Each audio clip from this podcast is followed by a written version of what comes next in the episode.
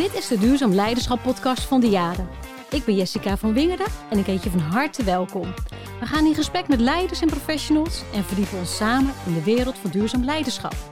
Neem je graag mee op deze inspirerende reis vol inzichten, waarbij we samen bouwen aan een duurzame toekomst. Laten we beginnen. Vandaag de gast Alexander Heikamp, internationaal ESG-lied en docent duurzaamheid. Alexander, welkom bij de podcast Duurzaam Leiderschap. Fijn dat je er bent. Uh, wij starten de podcast altijd met een persoonlijke vraag. En, uh, en dus ook voor jou de vraag: wat is duurzaamheid voor jou? Uh, allereerst natuurlijk, dankjewel dat ik hier mag zijn. En leuk dat ik in de podcast deel mag nemen en mijn verhaal en mijn ervaring mag delen. Ja, en wat betekent het voor mij? Ehm, nou, eigenlijk wel zonder gelijk holistisch of hoog over te, te worden. Ehm, de wereld ietsjes mooier achterlaten dan dat ik hem heb mogen ontvangen. En dat kan op allerlei manieren als je kijkt naar enerzijds uh, het milieu, maar anderzijds ook heel veel sociale topics die uh, ja, ongemerkt veel aandacht uh, mogen vragen van ons. Mooi. Nou um, ben jij heel ervaren eigenlijk zelf op het gebied van duurzaamheid, want je bent internationaal ESG-lead. Mm -hmm. um, misschien maar gewoon voor de alle luisteraars of wie er nog niet helemaal mee bekend is. Waar staat dat ESG eigenlijk voor? Ja, ESG staat voor Environment Social Governance. Ja. En in gewoon Nederlands is het uh, environment, het milieu, hè, ja. de, onze planeet. Social, dat gaat over die sociale onderwerpen. En wat doe je terug voor de maatschappij? Wat doe je terug voor de, uh, de medemens? En governance is hoe heb jij je organisatie zo ingericht dat je ook zeker weet dat de mensen in jouw organisatie de juiste dingen doen. Hey, nou ben je daar heel actief op hè? en, uh, en nou, veel ervaringen. Wat was nou eigenlijk je motivatie om dit te gaan doen? Nou, als ik heel eerlijk ben, mm -hmm. uh, ben ik in 2018 min of meer per ongeluk in het hele ESG en sustainability uh, terrein terechtgekomen. Ja. Uh, ik solliciteerde op een baan waar uh, een bedrijf, een internationaal opererend bedrijf, die al echt best veel deed op het gebied van duurzaamheid. Ja. Alleen niemand was daar eindverantwoordelijk. En de toenmalige directie zei, dat is eigenlijk niet goed genoeg, want de wereld verandert. Ja. En we willen onze impact op mensen en milieu willen we ook echt invulling geven. Dus wat zou er gebeuren als we iemand eindverantwoordelijk maken? Nou, uh, mooie gedachte. Ja, zeker. Uh, dat was ik. Uh, ik heb gezegd, van, nou, dat lijkt me een enorm mooie klus. Ja. En nogmaals, als ik heel eerlijk ben, ging het mij vooral om, hey, er is niets en daar kan ik iets van maken. Ja. Een soort ja, blue ocean, hè? Ja. Ja, en, en toen ben ik gelijk begonnen met een opleiding op het gebied van duurzaamheid bij Nijrode. Uh, de MVO-leergang, waarbij ja. ik heb geleerd van ja, wat, wat uh, komt er nou op je af als je start als MVO-manager? En wat, wat, uh, wat zijn de, de dingen om te doen? En wat zijn de dingen waar je een beetje weg van moet blijven? Ja.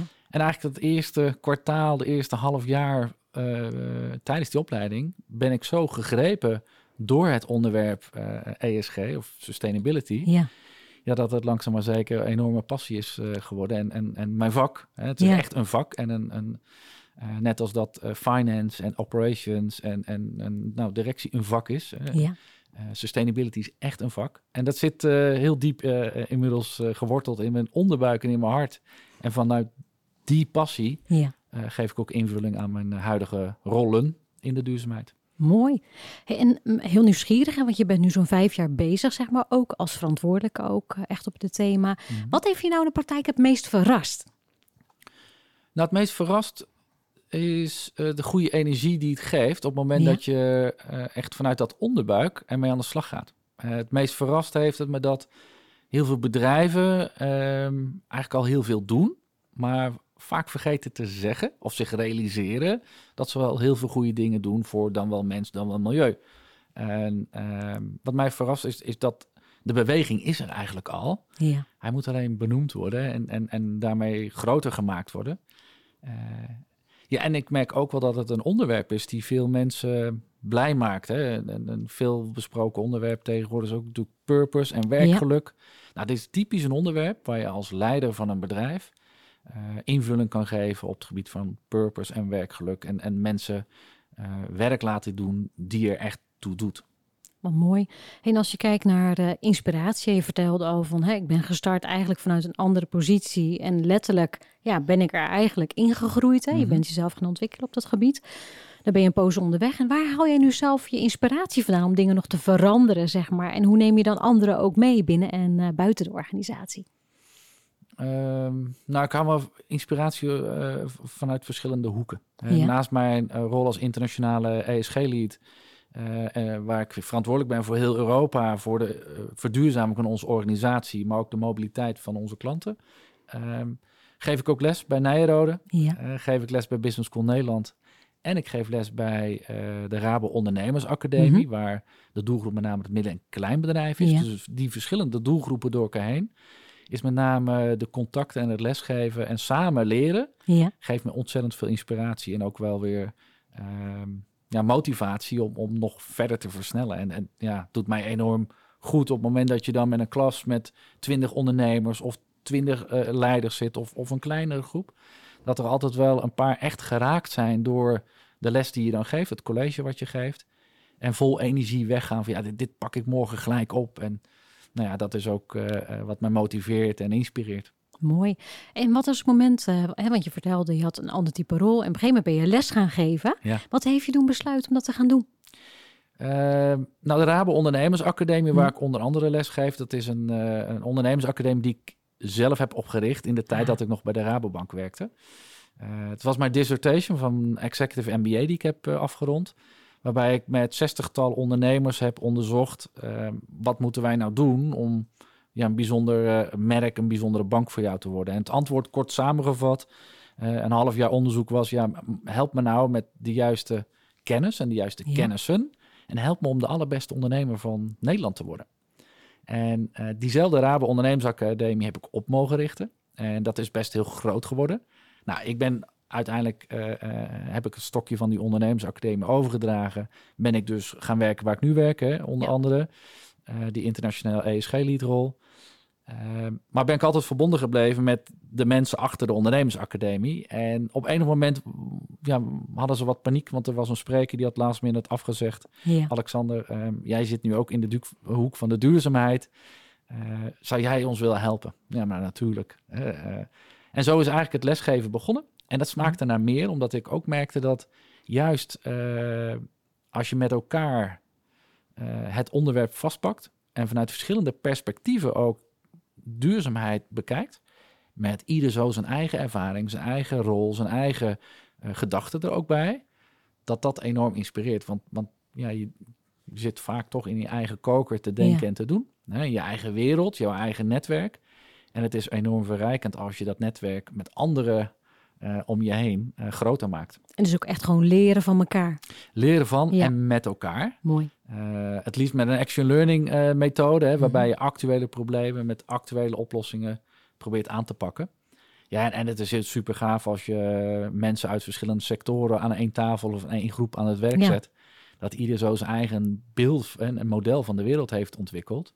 Maar dat er heel veel modellen van die wereld zijn. En dat dat ja, je kan helpen om, om je eigen leiderschapsrol, dan wel je eigen organisatie verder te versterken. Dan zijn de luisteraars die denken, ja, ik wil ook aan de slag. Ik ben misschien geen internationaal ESG-lid, maar mhm. ik wil degelijk aan de slag met duurzaamheid in mijn organisatie. Ja. Wat is nou de eerste stap die je als leider kunt nemen als je met duurzaamheid aan de slag wil? Goeie vraag, uh, mooie vraag. En ik, ik, denk dat daar ook een deel van mijn antwoord zich op richt. Uh, als leider mhm. denk ik dat we veel uh, meer tijd weer vrij moeten maken voor het stellen van langzame vragen, zoals ik ze mhm. altijd noem. En een langzame vraag, dat, dat zijn grote vragen waar je, als je de vraag hebt gesteld, de ander niet direct een antwoord op kan geven. Echt even na moet denken, maar wat vind ik hier nou van? En als je als leider van een organisatie echt tijd vrij gaat maken om langzame vragen te stellen op het gebied van ESG. Wat mhm. doe ik met mijn mensen, met mijn team terug voor environment, social en governance onderwerpen? Dan denk ik dat er, uh, dat, dat een, een, logische eerste stap zou uh, moeten zijn.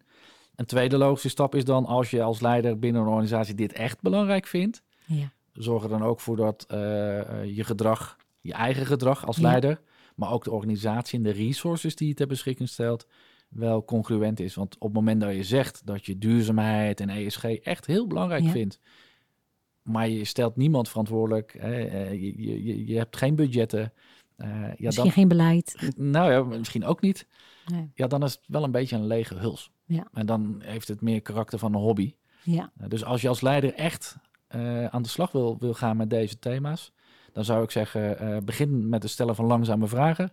En zorg ervoor dat je direct daarna ook de organisatie neerzet. Dat er ook verantwoordelijkheid is.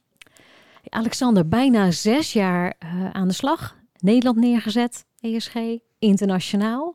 Ja. Les aan het geven. Ja. Wat, wat komt hierna? Ehm, nou ja, dat is wel een, een, een spannende. Uh, wat komt hierna? Ik, uh, vanaf 1 januari heb ik besloten, ga ik uh, volledig zelfstandig ondernemer worden in het ESG-domein. Ja. Omdat ik het gevoel heb dat er nog veel meer te bereiken is, nog veel meer te, te bewegen is met organisaties en mensen om mij heen. Hè, dus daar waar ik nu uh, in loondienst ergens als internationale ESG-lead uh, werk, ja. ga ik volledig voor mezelf. Dus naast het lesgeven ook uh, nog veel meer ondernemingen helpen om die intrinsieke motivatie in die organisatie, om, om die naar boven te krijgen, op papier te zetten. En net als mijn voorbeeld met die elektrische auto in ja. de roadtrip, van papier af te krijgen naar oké, maar wat doen we dan? En ik geloof dat er enorm veel behoefte is in de markt, mhm. bij ondernemers, bij uh, organisaties, om even dat setje te krijgen. En met de ervaring die ik heb, zowel uh, nou ja, met mijn baan nu internationaal, maar ook zeker het lesgeven bij Nijrode Business School Nederland met eigen Sustainability Leadership Programs, denk ik dat ik uh, nou, de wereld een klein beetje mooier kan maken dan dat ik hem heb ontvangen. Kijk, dat is een uh, heel mooi uh, voornemen. En inderdaad een hele, hele spannende stap. Nou, uh, zijn we met z'n allen nog op weg naar 2030. Ja. de doelen zijn nog niet bereikt. En we zien denk ik met z'n allen wel dat er waarschijnlijk een stapje bijgezet moet worden. Of lees dat we moeten versnellen. Mm -hmm. Wat zijn zaken waarvan je zegt, weet je, daar moeten we als samenleving nog meer focus op hebben. Willen we die stap kunnen zetten? Nou, ik, ik denk dat een focus moet zijn op, op het samen doen wat ik zie is dat heel veel organisaties heel erg uh, deze oefening eigenlijk op zichzelf richten. Wat, wat logisch is, hè, want dat is de eerste stap ook. Maar dat we veel sneller ook met elkaar wat voor elkaar moeten zien te krijgen. Dus met die hele keten van toeleveranciers en je klanten en iedereen om je heen. En dat is nog best wel een opgave. Want dan moet je ineens gaan samenwerken. Ja. Uh, samenwerken en iedereen heeft zo zijn eigen belang. Uh, en misschien is het wel hoe spannend ook, uh, belangrijk om het eigen belang midden op tafel te leggen. En als iedereen dat doet, zou je zien dat ergens tussen die eigen belangen een gezamenlijk, een gezamenlijk belang, is. Ja. Begin daar nou mee. Ja. En de rest komt dan vanzelf. Hè. Op, nogmaals, optimistisch dat ik ben, ja. heb ik ook de voorbeelden in, in, in mijn colleges gezien, maar ook in mijn nabij omgeving. Dat zodra je bereid bent om, om dat te doen, dat dat de eerste stap is om ook samen mooie dingen te doen. En je noemt heel uh, bewust ook die samenwerking. Dat is echt een stap uh, die we moeten mhm. zetten met elkaar. Willen we inderdaad samen ook 2030 onze doelen realiseren? Hoe kijk je naar het aspect van gedragsveranderingen? Want je noemde ook al een aantal keren over, ja, uiteindelijk gaat het aan de ene kant om wat je als leider te doen hebt. Ja. Hè? Dus ja. welke, wat leef jij voor? Uh, maar hoe, ga je, hoe neem je mensen in gedragsverandering mee als het gaat rondom het thema duurzaamheid? Want zeg wat je zegt, of het nu een keuze is dat je zelf bijvoorbeeld uh, niet in de, het vliegtuig stapt, maar met de trein gaat, wil je natuurlijk ook in je organisatie een, ja. een verandering krijgen. Wat zijn er stappen die je kunt zetten? Nou, wat, wat ik wel uh, vaker heb toegepast en ook met andere organisaties samen heb opgepakt, is te beginnen met automatisch gedrag wat je in een organisatie hebt, altijd. Ja. Dat automatische gedrag ehm, erkennen. Hm? En ergens met dat automatisch gedrag een soort halt toe te roepen. Dus ineens een verandering plaatsvindt dat dat automatisch gedrag stopgezet wordt. En uh, direct gekoppeld aan een handelingsperspectief van maar wat, wat doen we dan wel en hoe doen we het dan wel?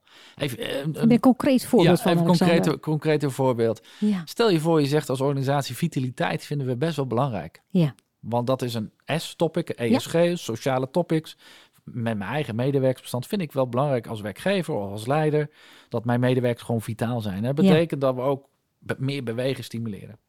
Nou, als je dan een pand hebt met vier, vijf verdiepingen en die, iedereen gaat altijd met de lift omhoog, kan je uh, stiekem een keer gewoon uh, de liften uh, zeg maar afblokken. En dat geautomatiseerde gedrag van, ja, tuurlijk ga ik met de lift omhoog, want dat doe ik altijd, vervangen door de trap want die 9 van 10 keer zit naast de lift. Alleen die pakken we niet, omdat we wat, ja, een soort gewoonte. Dat geautomatiseerde gedrag, als je dat eruit haalt door zo'n trucje uit te halen.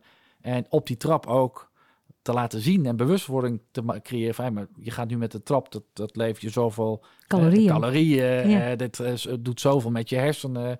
beweging is gezond en wij als werkgever vinden dat ook. En daarom stimuleren we, nou, et cetera. Dan zou je zien dat een, een deel van de groep, als je die lift voor open zet na een week of zo, heel snel weer in het oude gedrag vervalt. Maar dat je altijd 10, 20, 25 procent van de groep meeneemt in dat nieuwe gedrag. En, en zo zou je dat kunnen doen. Hetzelfde met de overgang naar bijvoorbeeld een volledig elektrisch wagenpark. Ja. Dan kan je zeggen, nou, laten we kijken wie dan eerst wil. En laten we dan mm geleidelijk aan eh, overstappen. Je kan ook zeggen, nee, dat geautomatiseerde gedrag dat je een auto bestelt... en dat is een brandstofauto, dat zetten we stop door te zeggen vanaf 1 juli aanstaande... of welk datum dan ook, electric only. En we gaan je daarbij helpen. En we laten ook zien hoe dat er moet en hoe het kan. We maken het je gemakkelijk. En ik denk dat dat een hele belangrijke is. En zo kan ik nog wat concrete voorbeelden geven als gezond eten in de cafetaria of in de kantine. Ja, zorg ervoor dat gezond eten makkelijk wordt gemaakt. En, en ongezond eten, ja, op een manier uh, stop dat even. Uh, laat zien dat het anders kan en dat dat uh, goed en lekker is. Fijn die concrete voorbeelden. Ja. Dat, dat maakt het. ik denk dat een paar mensen nu zorgen maken. Krijg je straks die kroket niet meer? Ja, klopt. Ja, en die heb je altijd. Hè? Ook met veranderingen. Uh, een veranderstrategie uh, heeft, heb ik ooit geleerd, is dat als je gaat veranderen, is dat 20% van je medewerkers, waar dan ook, dus ook hier bij Diade en ook bij de luisteraar, 20% van je medewerkers zegt, oh gaaf, mag ik meedoen? Ja. Laten we lekker piloten en proberen. Met die 20% mag ook van alles misgaan, want het is een pilot. Ja. 60% van diezelfde groep die zal zeggen: Och, het maakt me eigenlijk niet uit. Als ik er niet altijd weer last van heb, wil ik best uh, met je meebewegen. En 20%, ja, bijvoorbeeld met de kroket, ja. die uh, zal zeggen: Ja, maar ik wil niet veranderen, want ik heb recht op die kroket. En ja. uh, het is ook onzin en dat bepaal ik zelf wel. Wat je vaak ziet bij veranderstrategieën is dat leiders zich dan richten op die laatste 20%. Want die wil je overtuigen dat het echt wel beter is om te veranderen. Nou, dat is eigenlijk in die theorie zonde van je energie. Richt je op die eerste 20% die wel willen. Maak daar echte verhalen van echte mensen mee. Storytelling. Gewoon toffe verhalen, geloofwaardig ook, want het zijn collega's die dat vertellen. En met die ervaring en die storytelling voorbeelden heb je namelijk heel snel die 60%, die grote middengroep die zegt, ach, het maakt me niet uit, ik wil best veranderen, maar het moet niet te veel moeite kosten. Die inspireer je en, en uh, daarmee en heb je heel snel op de kar, op de veranderkar. En die laatste 20%, zegt die theorie, uh, daar moet je het mee doen wat ja, eigenlijk heel gemeen, het meest gemene wat je met een mens kan doen. Negeer die nou eens. En kijk op zijn minst niet de energie erin. Nee. nee. En, en dan zal je zien dat 10% van die groep alsnog meegaat. Want ja. ik wil niet, maar ik doe het toch. En die andere 10% voelt zich misschien ook niet meer thuis bij de organisatie. En ja, misschien is dat ook, ook Prima dan. Ja. ja. Nou, mooie inzichten, want uiteindelijk zijn dit wel denk ik de meeste dilemma's ook rondom die verandering als het gaat over gedragsverandering. Van, en terecht wat je, uh, ook het accent wat je aanbrengt, uh, Alexander, van dat we soms de neiging hebben om te veel oog te hebben voor die 20% van de mensen die niet willen. Heel vaak. Hè? Terwijl eigenlijk de echte energie in de tijd en aandacht vooral ook zou moeten besteden aan de mensen die letterlijk voorlopen en letterlijk de mensen met echte mensenverhalen laten inspireren hoe het ook mag en kan. Ja, en, en, en dienend leiderschap komt dan onder de hoek door te, eh, ervoor te zorgen dat als leider dan niet zelf op de zeepkist staat van kijk eens hoe succesvol deze pilot was. Nee, zet juist die mensen op de zeepkist en laat die schitteren en, en, en gun die ook de credits. Want dat zijn degenen die ook jouw ambassadeurs zijn. En die andere 60%, die och-groep, uh, mee gaan nemen op basis van hun eigen ervaringen. Dat zijn nog eens een paar hele handige en concrete tips, denk ik, voor, eh, voor de luisteraar die ook morgen die stap, uh, stap wil zetten. Op zoek naar de 20%. Nou, als je kijkt naar wat er uh, speelt rondom duurzaamheid, zijn het veel en grote vraagstukken voor organisaties. Hè? Soms mhm. gaat het over de compliance kant. Je moet rapporteren als organisatie, moet je aan voldoen. Gelukkig steeds meer organisaties die niet vanuit de plicht, maar veel meer de, de wens en de intentie mhm. om de goede dingen goed te doen. Wat zijn nou, hè, als eventjes heel de andere kant belichten, wat zijn nou de drie don'ts waarvan je zegt, nou daar moet je gewoon, hè, als het gaat over duurzaamheid, we hebben tips, zorg nou dat je de vertragende vraag stelt en nadenkt over wat doen we met elkaar al. Mhm. Hè? En proberen ruimte te maken. En je hebt heel mooi, denk ik, aan ook van hè, doe dat dan niet alleen maar met woorden of die ene vraag, maar zorg dan ook dat je tijd vrij maakt, dat je iemand verantwoordelijk maakt, of dat je misschien net ook al echt keuzes maakt, die organisatie. Wat zijn nou drie dingen wat je vooral niet moet doen? Vanuit leiderschap perspectief? Ja.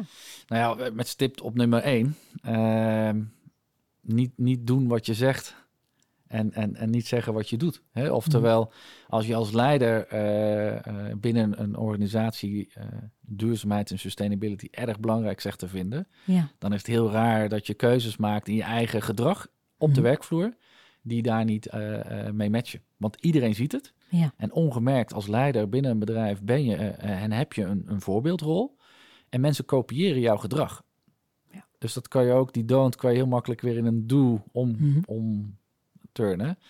Uh, ga dus wel aan de slag met uh, wees bewust van je eigen gedrag mhm. en, laat voorbeeldgedrag zien. Uh, dus, dus, dat is een eerste don't, wat mij betreft. Ja, en don't hebben we denk ik net al ook even aangestipt.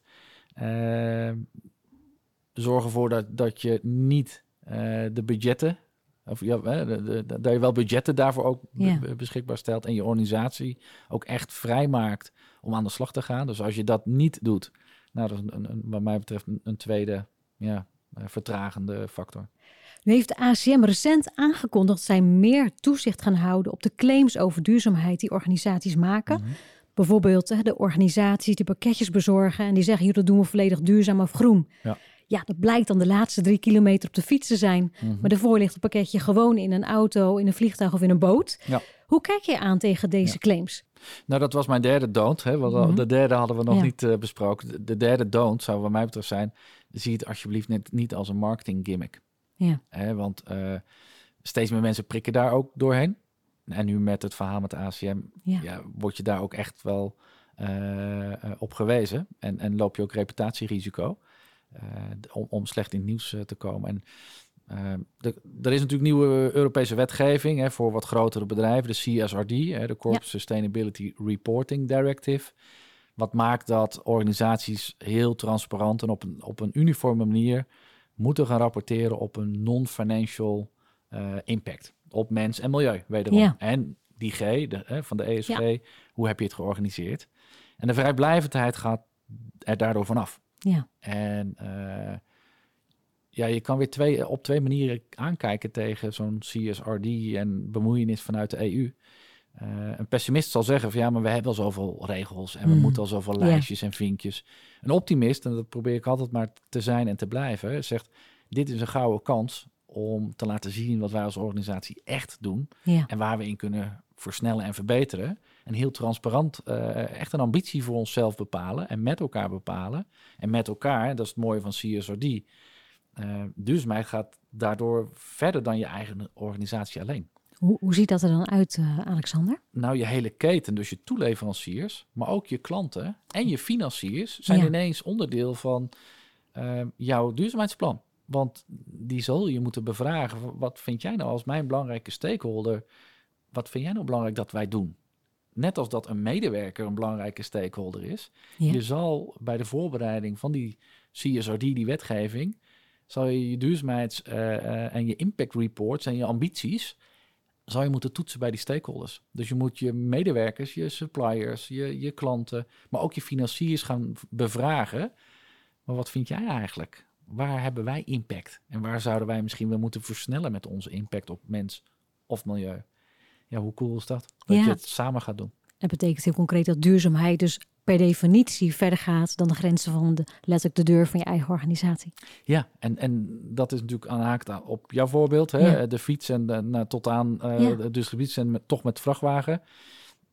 Dat is misschien helemaal niet erg en vooralsnog nee. is dat het geval, maar wees daar transparant over. Hetzelfde met sociale topics als uh, diversiteit. Uh, wat, wat, ik super wijs vind toen ik in 2018 begon, mm -hmm. ging het vak vooral over duurzaamheid rondom de E. Ja. Wat doen wij als organisatie op het gebied van CO2-reductie, elektrificatie van ons wagenpark uh, en, en, wat al niet meer? Uh, met die gemeenschappelijke taal en de focus op ESG komt daar een hele sociale component bij. En die vind ik wel heel wijs, want ja, dat, dat maakt wel uiteindelijk jouw echte impact op mensen en milieu. Dus sociale topics zoals diversiteit, inclusiviteit, gelijkwaardigheid. Uh, ja, vind daar maar eens iets van. Ja. En, en nogmaals, weer niet alleen in je organisatie, maar ook daarbuiten. Want hoe ver ga je daarmee als het gaat om, om vrouwen aan de top? Even als, als makkelijk voorbeeld. En in leiderschapsposities. Nou, dan kan je voor je eigen organisatie een beleid opmaken. Ja. Maar ga je misschien wel twee stappen verder door te zeggen: ik ga ook mijn leveranciers daarop selecteren. Of ik ga kijken naar mijn klantenbase en kijken of ik daar voor net die doelgroep die ondervertegenwoordigd is, iets extra's kan doen, zodat ze gelijke kansen hebben. En hetzelfde geldt voor uh, uh, nou, terug, uh, dingen terug doen voor de maatschappij. Ja. Ja, dat is nu onderdeel van dat hele pakket. Prachtig. Ja. Ja, dat is een mooie en terecht wat jij zegt, uh, Alexander. Hè? Want uh, ik denk dat veel mensen in eerste instantie bij duurzaamheid altijd dachten aan de zonnepanelen, ja, elektrische auto. Hè? Waar kunnen we eventueel stroom, ledverlichting, ja. het vervangen ja. van oud naar nieuw. Maar inderdaad, sociale component is natuurlijk cruciaal. Ook om te weten, als we meer gelijkheid hebben, dat meer mensen ook in duurzaamheid aan de E-kant mee zouden kunnen doen. En het mooie is dat je aanvullend met de G van ESG, de governance, hoe, hoe organiseer je nou dat jouw organisatie, de mensen in je organisatie de goede dingen doen. Daarvoor kom je uh, nou ja, heel veel actuele voorbeelden uh, van afgelopen periodes, jaren, voorkom je mee dat jouw bedrijf op die manier in het nieuws komt. Ja. En, en doordat het nu één aanpak is, mm -hmm. ESG, zie je ook dat het niet anders kan dan dat je het met de hele organisatie oppakt. De, de, nou ja, de, de E, dat zijn de typische greenies, hè, als ik uh, wat hokjes mag, mag, mag maken. De greenies die ja. willen uh, naar uh, de, de, van fossiel willen ze af naar, naar elektrisch en CO2-reductie en klimaatverandering tegengaan. Ja. Dat is echt vaak een greenie. De social topic owners hè, van de ESG, ja. dat zijn vaak mensen, mensen. Mm -hmm. Vaak is dat een koppeling met bijvoorbeeld de afdeling personeelszaken HR. Ja. En governance dat zijn vaak mensen die het ontzettend gaaf vinden om een Excel aan elkaar te knopen. En als je het ene vakje uh, verandert, dat het andere vakje mee verandert. En dat je een dashboard hebt, het monitoren. Nou, het lastige is dat voorheen deden we dat misschien wel allemaal, uh, dat in één functie. Mm -hmm. uh, dus dan vroeg je aan iemand, zowel het leuk en, en gepassioneerd, een dashboard te maken als zich zorgen te maken om het milieu en, en ook ja. dat sociale niet te vergeten.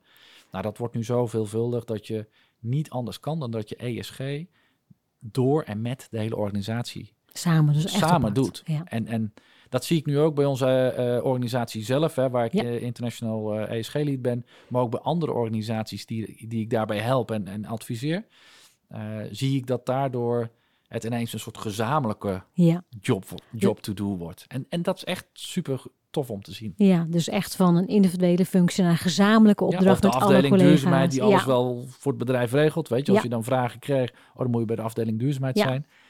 Ja, ik, ik voorspel dat dat in een rap tempo verandert. En dat is echt Mooi. super wijs. Maar dat zelfs een mooi perspectief, uh, denk ik.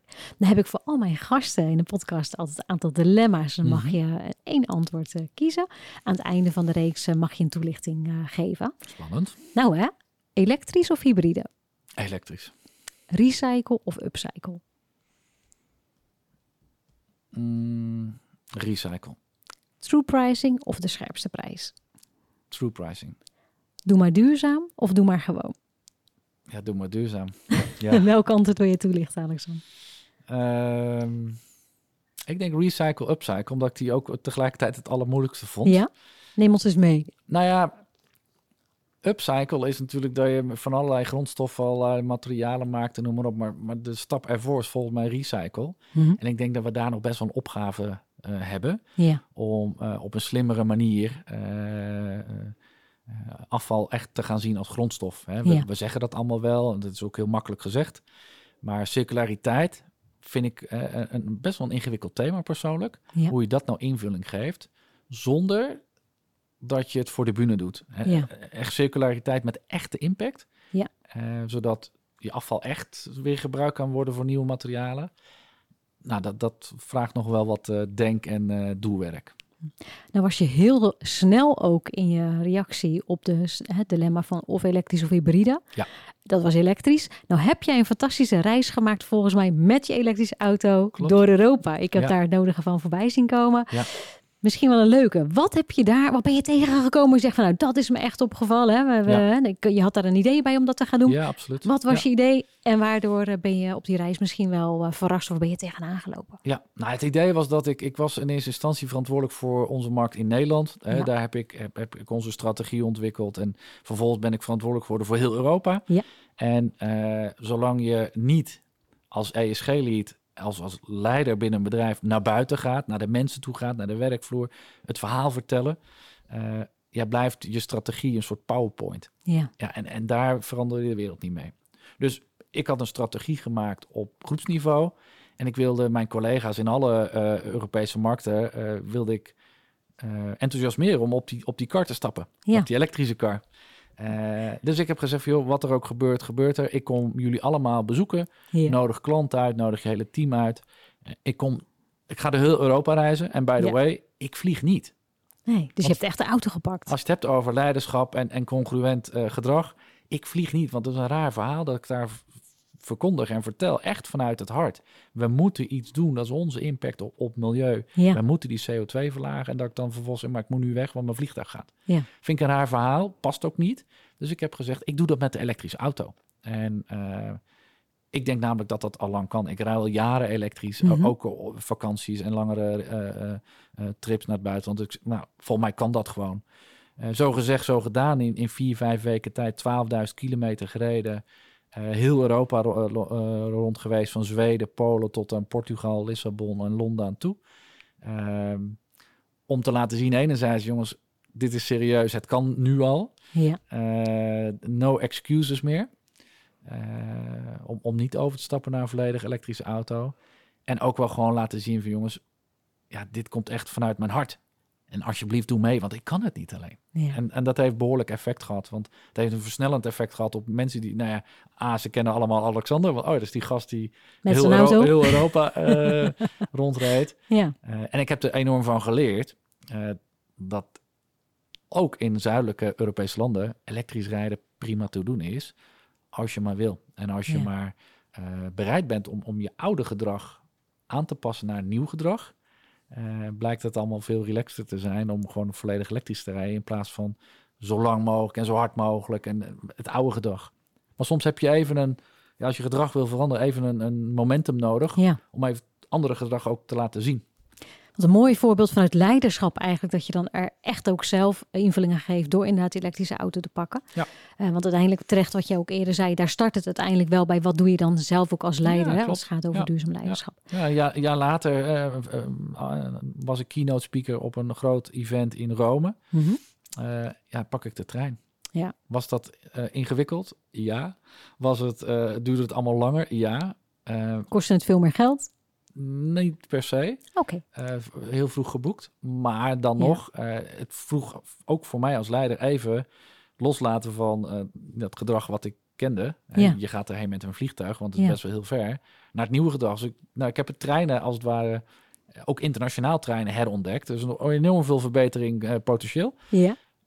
Maar ja, weet je, dat is wel waar we voor staan. Dus dan moet je er ook voor gaan. Heel mooi, dankjewel. Um, de laatste vraag voor jou, Alexander. Ehm, brede vraag. Uh, niet zozeer per se over je huidige rol, misschien maar wel over je leven tot tot nu. Hè? Welke les over duurzaamheid heb jij nou zelf geleerd in de afgelopen jaren? En uh, welke zou jij mee willen geven aan de luisteraar? Wederom een, een mooie, mooie vraag, dankjewel. Um, ja, misschien een one-liner die ik ooit eens bij Nijrode ook heb gehoord... en vaak ook in mijn colleges uh, bij Nijrode gebruik. Waar een wil is, is een omweg. En uh, daarmee bedoel ik dat, dat alles is mogelijk, waar, als je maar wil. En als je vanuit die intrinsieke motivatie de wil hebt om het anders te doen... om het slimmer te doen, om het milieu- of mensvriendelijker te doen... dan is daar altijd een omweg om je doel te bereiken. Hele mooie takeaway. Dankjewel voor dit mooie gesprek. Graag gedaan. Leuk. Dit was een podcast van Diada. Wilt u reageren of iemand aandragen als gast? Mail dan naar duurzaamleiderschap.diada.nl Volg onze socials en neem een kijkje op diada.nl om te zien wat wij voor u kunnen betekenen op het gebied van duurzaamheid.